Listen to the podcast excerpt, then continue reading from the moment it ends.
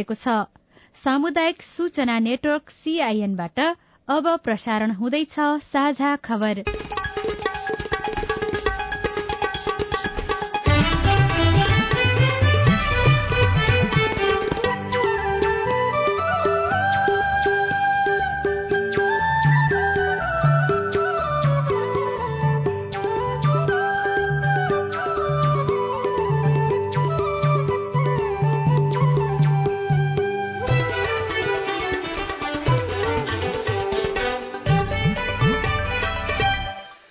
शुभ प्रभात यो सीआईएनको साझा खबर हो। उषा तामाङसँगै राजन रुचालको तपाईँलाई स्वागत छ। सामुदायिक रेडियोबाट देशैभरि एकैसाथ प्रसारण भइरहेको साझा खबर सीआईएन खबर डट कम र मोबाइल एप सीआईएनबाट पनि सुन्न सकिन्छ।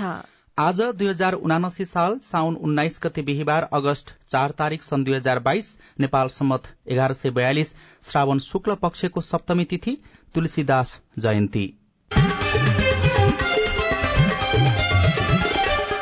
साझा खबरमा प्रमुख खबरका शीर्षकहरू। चौतिस वर्षपछि सप्तकोशी नदीले धार बदल्दा बीस हजार नागरिक जोखिममा पन्ध्र सय घर परिवारको उद्धार मनसूनजन्य विपदबाट दुई महिनाको अवधिमा सन्तानब्बे जनाको मृत्यु। मंगिर चारमा आम निर्वाचन गर्ने सत्ता गठबन्धनको समझदारी मध्य सरकारको साइकल खरिद कार्यक्रममा दस करोड़ भन्दा बढ़ीको भ्रष्टाचार हेटौडा सिमेन्ट चार वर्षको अवधिमा साढे पैंसठी करोड़ घाटामा। अठार दिनको अवधिमा कोरोना संक्रमणबाट सोह्र जनाको मृत्यु तीमध्ये खोप नलगाएका बाह्र जना साढे छ दशकपछि सीटीसी चियाले ट्रेडमार्क पाउँदै ताइवान क्षेत्रमा सैन्य अभ्यास गर्ने चीनको तयारी। जापानमा मंकीपक्सबाट बच्न विफर खोप अनुमोदन रूसले नियन्त्रणमा लिएको युक्रेनी आणविक ऊर्जा प्लान्ट नियन्त्रण बाहिर। र सत्र वर्ष मुनिको राष्ट्रिय फुटबल टोलीका लागि साठी खेलाड़ी छनौट।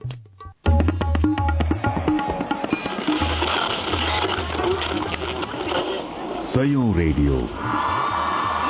हजारौं रेडियो कर्मी। र करोड़ौं नेपालीको माझमा यो हो सामुदायिक सूचना नेटवर्क सीआईएन साझा खबरको सबैभन्दा शुरूमा चौतिस वर्षपछि सप्तकोशीले धार बदलेको प्रसंग र बीस हजार नागरिक जोखिममा परेको खबर। दुई महिना यता पश्चिम धार कटान गर्दै आएको सप्तकोशी बुधबार उदयपुरको बेलरका नगरपालिका आठ डुम्री बोटीबाट तल्लो तटीय क्षेत्र पसेको छ। पहाड़ी क्षेत्रमा लगातारको वर्षासँगै कोशीमा आएको बाढ़ीले कटान तीव्र भइरहेको हो। डुम्री बोटीमा झण्डै तीन सय मिटर जमीन कटान गरी कोशी बस्ती पसेको छ। नगरपालिकाको एक दुई तीन आठ नौ तथा सुनसरी बरहा क्षेत्रका छ र नौ ओड़ाका धौरी टापु श्रीलंका टापु भागलपुर करैया तपेश्वरी लगायत बस्ती जोखिममा परेका छन्। डुम्री बोटीमा कटान गरी गरेर कोशी पुरानै धारमा बग्न थालेपछि सर्वसाधारण त्रासमा छन्। अहिले जहाँबाट कोशीको बाढ़ी पसेको छ दुई हजार पैंतालिस साल अघि सोही ठाउँबाट कोशी बग्थ्यो। दुई हजार पैंतालिस सालको भूकम्पपछि कोशी विस्तारै धार परिवर्तन गर्दै पूर्वतर्फ लाग्यो। कोशी पूर्व फर्केपछि त्यहाँ दुई हजार एकाउन्न सालपछि बस्ती बस्न थाल्यो। अहिले कोशीले धार बदलेर पुरानै ठाउँमा आउँदा बस्ती प्रभावित भएका हुन्। राष्ट्रिय विपद जोखिम न्यूनीकरण तथा व्यवस्थापन प्राधिकरणले अस्थायी बाँध बाँधे पनि बाढ़ीले कटान गरिरहेको छ।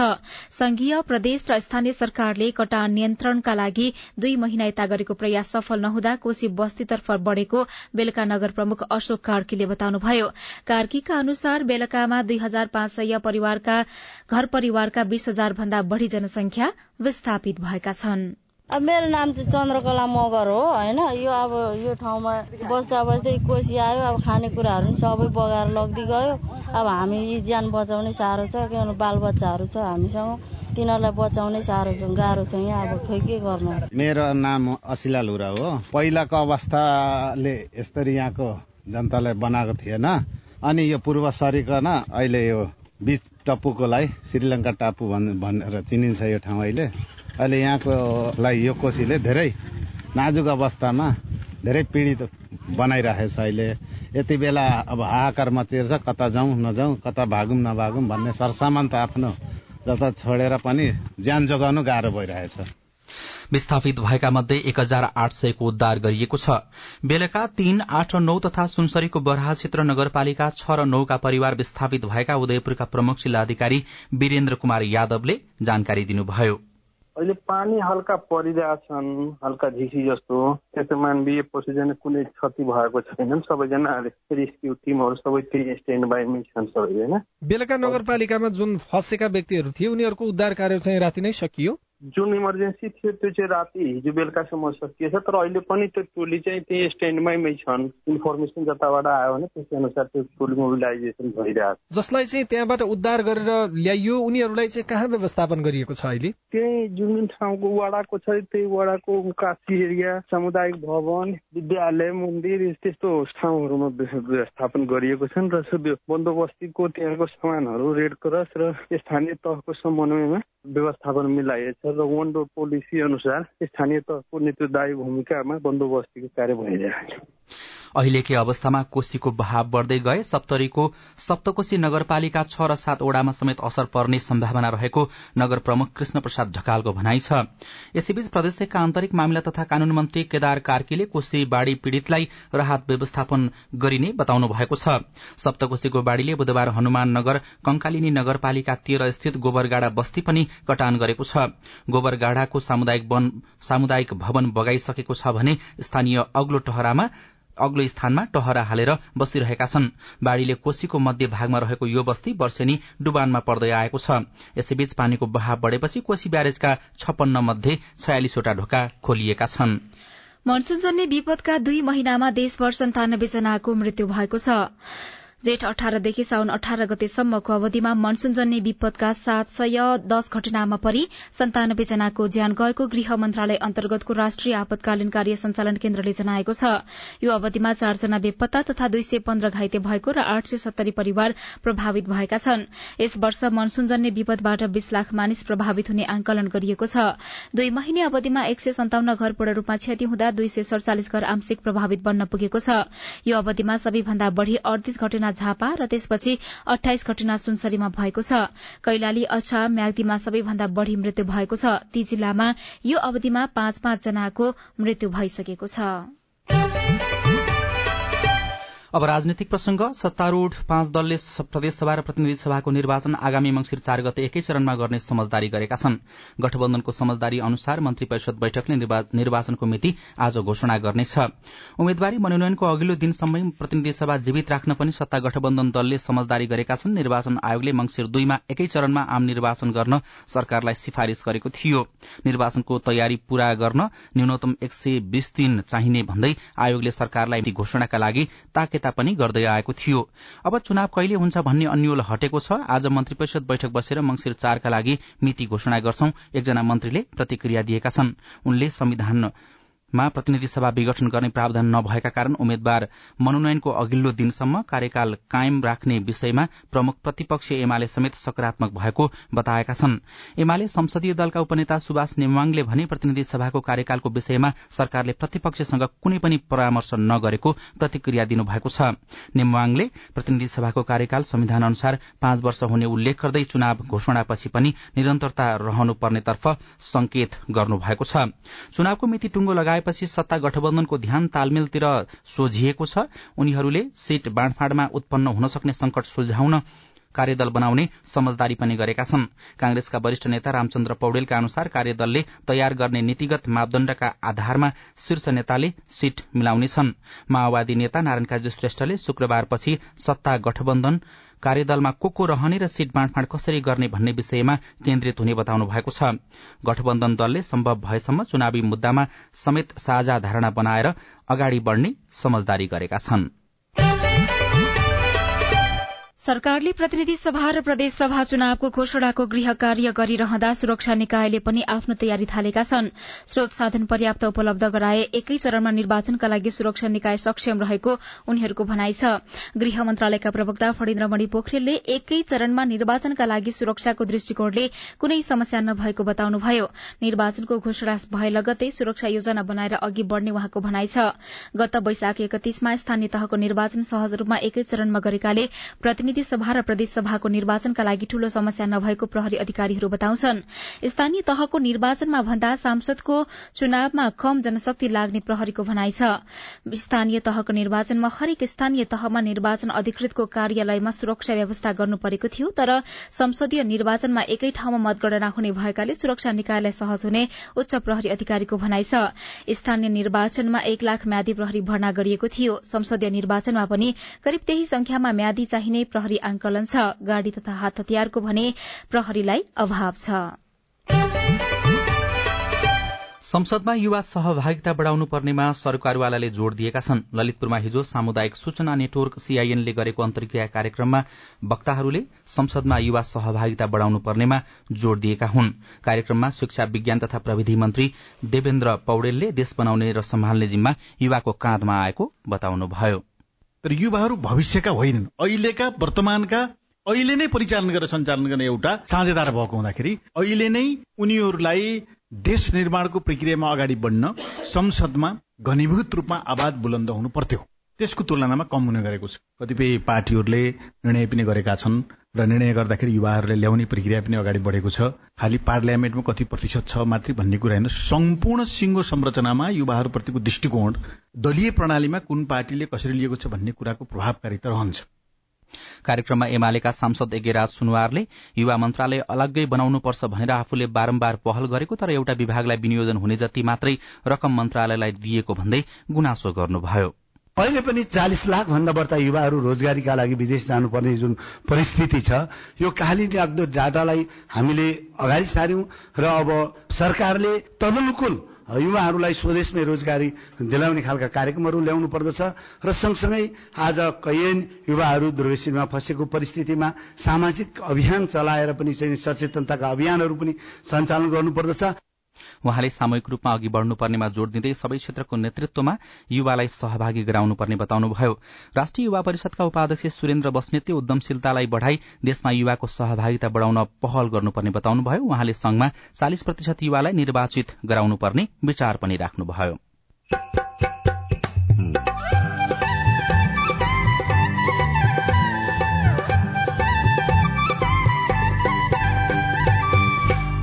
सामुदायिक सूचना नेटवर्क सीआईएन मार्फत देशभरि प्रसारण भइरहेको साझा खबरमा मिटरब्याजी पीड़ितलाई सरकारले पनि न्याय दिएन।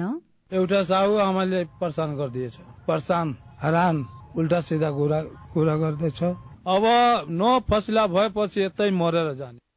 मध्य सरकारको साइकल खरिद कार्यक्रममा दश करोड़ भन्दा बढ़ीको भ्रष्टाचार हेटौँडा सिमेन्ट चार वर्षको अवधिमा साढे पैंसठी करोड़ घाटामा अठार दिनको अवधिमा कोरोना संक्रमणबाट सोह्र जनाको मृत्यु। लगायतका खबर बाँकी नै छन्। सीआईएनको साझा खबर सुन्दै गर्नुहोला। उठाउनु पर्ने आवाजहरू सदनमा उठाउनु भएको छ तपाईँलाई धन्यवाद दिनुपर्ने हुन्छ। कानून निर्माणमा नागरिक सहभागिता सिद्धान्त र अभ्यास। पारित गरियोस् भन्ने प्रस्ताव दुई तिहाई बहुमत भन्दा बढी मतबाट पारित भएको घोषणा गर्दछु। कानून कार्यान्वयनमा सांसद र संसदको जवाफदेहिता। र जिल्लाको र समग्र मुलुकका चाहिँ सवालहरूलाई संसदमा उठाउने सवालहरूमा म आफूले सशक्त ढंगले भूमिका खेले भन्ने लाग्छ। संसदीय प्रक्रियामा जनता र सरकारवाला निकायको नजर। युवाको क्षेत्रमा त्यति धेरै काम भएको छैन। युवालाई चाहिँ ओजरमै राखेर अहिले काम भइरहेको छ। युवाहरूलाई चाहिँ रोजगारीमा जोड्नुपर्छ भनेर अहिले केही कार्यक्रमहरू पनि सञ्चालन गरेका छौँ। जनतादेखि नेतासम्म नीतिदेखि नेतृत्वसम्म युवा सीमान्तकृत वर्ग जाति अल्पसंख्यकका सवालहरू। जनताको कुरा राख्ने ठाउँ संसदै हो। हामी कार्यपालिका होइन व्यवस्थापिका हो नीति निर्माण गर्ने हो अब सवाल मात्रै होइन जवाबसँगै देखिन्छ प्रभाव पनि। कार्यक्रम हेलो सांसद। सीआईएन मार्फत मुलुकभरका सामुदायिक रेडियोमा हरेक बिहिबार बेलुकाको साझा खबरमा र भोलिपल्ट शुक्रबार बिहान साढे छ बजे कार्यक्रम हेलो सांसद। सीआईएन को फेसबुक पेज र युट्युब च्यानलमा सांकेतिक भाषामा पनि हेर्न सक्नुहुनेछ। युएनडीपी संसद सहयोग परियोजना र अकुराबको सहकार्य।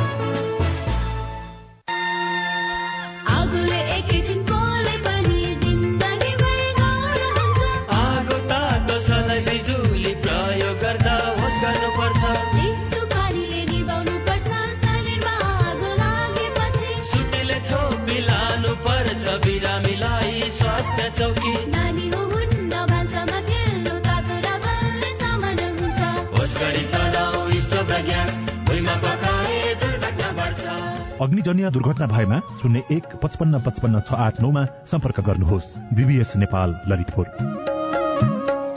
सामाजिक रूपान्तरणका लागि यो हो सामुदायिक सूचना नेटवर्क सीआईएन तपाईँ अहिले देशभरिका सामुदायिक radio CIN Khabar dot com र मोबाइल एप सीआईएनबाट एकैसाथ साझा खबर सुन्दै हुनुहुन्छ। अब आज काठमाडौँबाट प्रकाशित पत्र पत्रिकाको खबर। कोरोना संक्रमण बढ़ेको खबर सबैजसो पत्र पत्रिकाले लेखेका छन्। नयाँ पत्रिका दैनिकमा अठार दिनमा सोह्र संक्रमितको मृत्यु बाह्रजना खोप नलगाएका शीर्षकमा खबर छ। पछिल्ला अठार दिनमा कोरोनाबाट सोह्र संक्रमितको मृत्यु भएकोमा बाह्रजना कोरोना विरूद्धको खोप नलगाएका छन्। स्वास्थ्य मन्त्रालयका अनुसार मृत्यु भएका मध्ये बाह्रजना एक डोज पनि खोप नलगाएका दुईजना दोस्रो डोज दोस्रो डोज लगाएका र दुईजना बुस्टर डोज समेत लगाएका थिए। एक साउनदेखि बुधबारसम्म अठार दिनमा सोह्र संक्रमितको मृत्यु भएको छ। उनीहरू सबैजसो दीर्घरोगी र पचास वर्ष नाघेका छन् मन्त्रालयका प्रवक्ता डाक्टर समीर कुमार अधिकारीले भन्नुभयो मृतक मध्ये पचहत्तर प्रतिशत खोप नलगाएका छन्। नागरिकहरू खोप नलगाएर नागरिकको मृत्यु भइरहेको छ तर दाताले अनुदानमा दिएको दुई लाख डोज कोविशील्ड केही दिन अघि मात्रै म्याद सकिएर खेर गएको छ। कोरोना महामारी शुरू भए यता साढे दुई वर्षमा देशभर एघार हजार नौ सय अडसठी जनाको मृत्यु भएको छ। पछिल्ला दिन संक्रमण बढ़ेसँगै आईसीयू र भेन्टिलेटरमा पुग्ने संक्रमित पनि बढ़िरहेको छ। त्यस्तै कान्तिपुर दैनिकको पहिलो पृष्ठमा बेटीका नाममा साइकलमा बेथिती शीर्षकमा खबर छापिएको छ। अजित तिवारीले जनकपुरबाट तुफान नेउपाने र मातृका दाहालले यो खबर काठमाण्डुबाट लेख्नु भएको हो।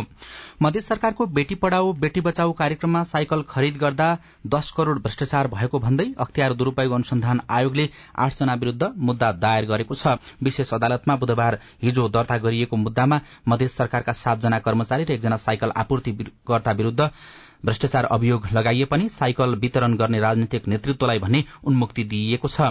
मधेस सरकारले बेटी पढ़ाउ बेटी बचाउ कार्यक्रम अन्तर्गत दुई कार्यक्रम ल्याएको थियो। पहिलो कार्यक्रममा छोरी बीमा कार्यक्रम सञ्चालन गरिएको थियो भने अर्को कार्यक्रममा सामुदायिक विद्यालयमा कक्षा आठमा अध्ययनरत छात्रालाई साइकल वितरण थालिएको थियो। आर्थिक वर्ष सतहत्तर अठहत्तरमा दुई पटक बोलपत्र आह्वान गरी साइकल खरिद गरिएको थियो।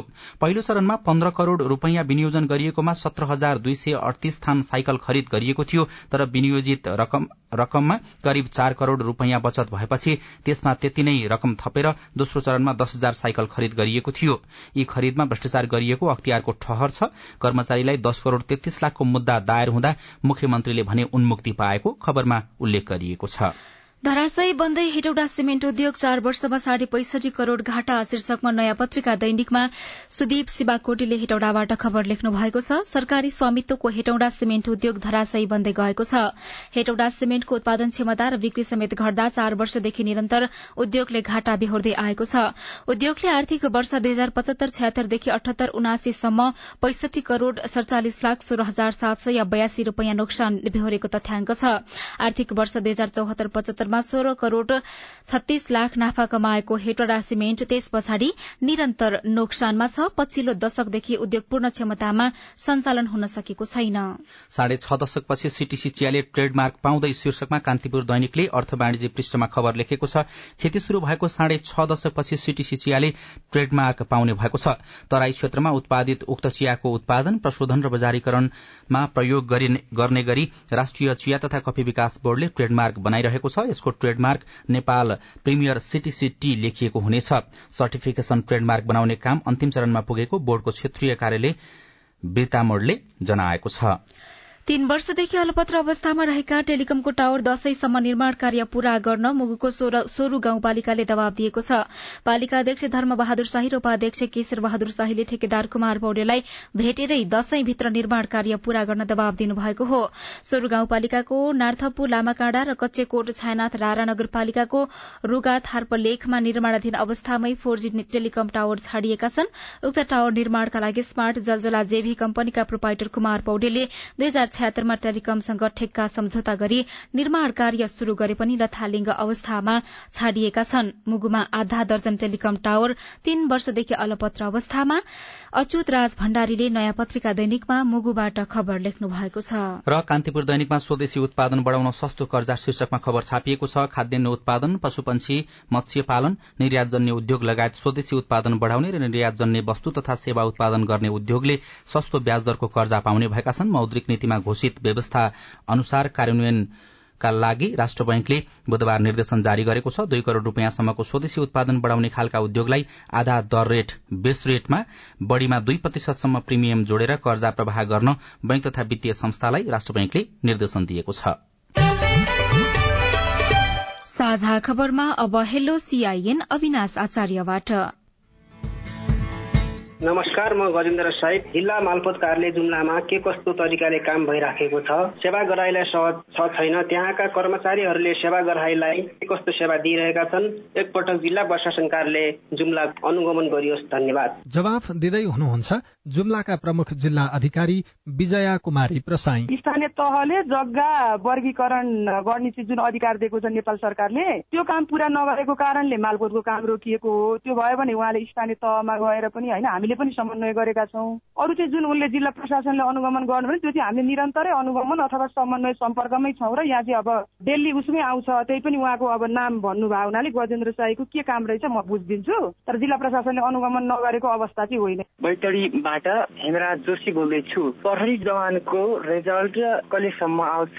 हेमराज जी सहित धेरैजनाले हाम्रो आइभीआरमा सोध्नु भएको प्रश्नको जवाफ हामीले नेपाल प्रहरीका केन्द्रीय प्रवक्ता टेक प्रसाद राईबाट लिएका छौं। यो नतिजा हामीले यो साउनको छब्बिस गति भित्रमा निकाल्ने भन्ने हाम्रो योजना हो। यसमा एक दुई दिन पछाडि पनि घट्नेछ र यहाँको यो रेडियो माध्यमबाट के चाहिँ भन्छ भने साउन महिनाको अन्तिम भित्रमा हामी निकालिसक्छौँ चिन्ता गाउँपालिकाबाट लगेन मालो गाउँपालिकाले दिएको पचास हजार रुपियाँ त्यो मध्येबाट तिस हजार रुपियाँ टाटाको लागि आयो बिस हजार बाँकी थियो त्यसको लागि सिमटा गाउँपालिकाबाट बैङ्कमा हाले कि हालेन सोध्न चाहन्छु जस्ताको छानुका लागि दिइने रकम बारेको यो प्रश्नमा सिमता गाउँपालिकाका प्रमुख प्रशासकीय अधिकृत ओम प्रकाश देवकोटाको जवाब छ। तिस हजार रुपियाँ पाइसकेपछि उहाँले पाता लिएर राख्नुभयो कि भएन आफ्नो घरमा घर छाउनु पर्यो पाता लगेर।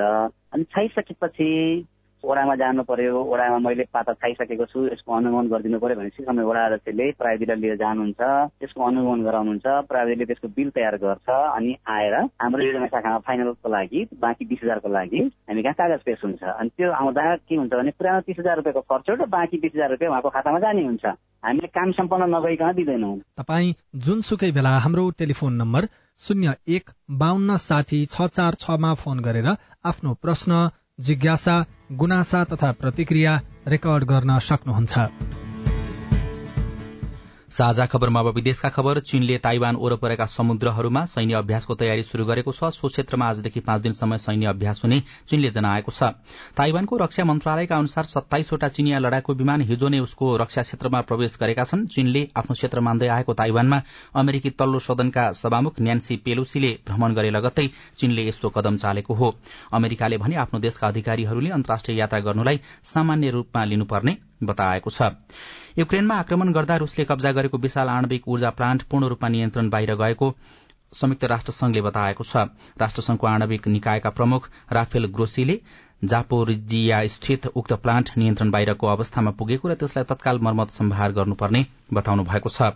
र जापानले मंकी पक्सबाट बस्न विफर खोप अनुमोदन गरेको छ। मंकी पक्स विरूद्ध प्रभावकारी मानिने विफर खोप प्रयोगलाई स्वीकृति दिइएको जापानको स्वास्थ्य मन्त्रालयले जनाएको छ।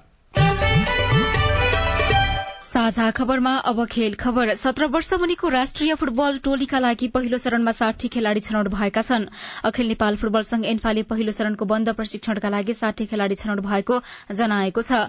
साफ च्याम्पियनशीप र एएफसी एसियन कप छनौटका लागि खुल्ला प्रतिस्पर्धाबाट खेलाड़ी छनौट गरिएको हो।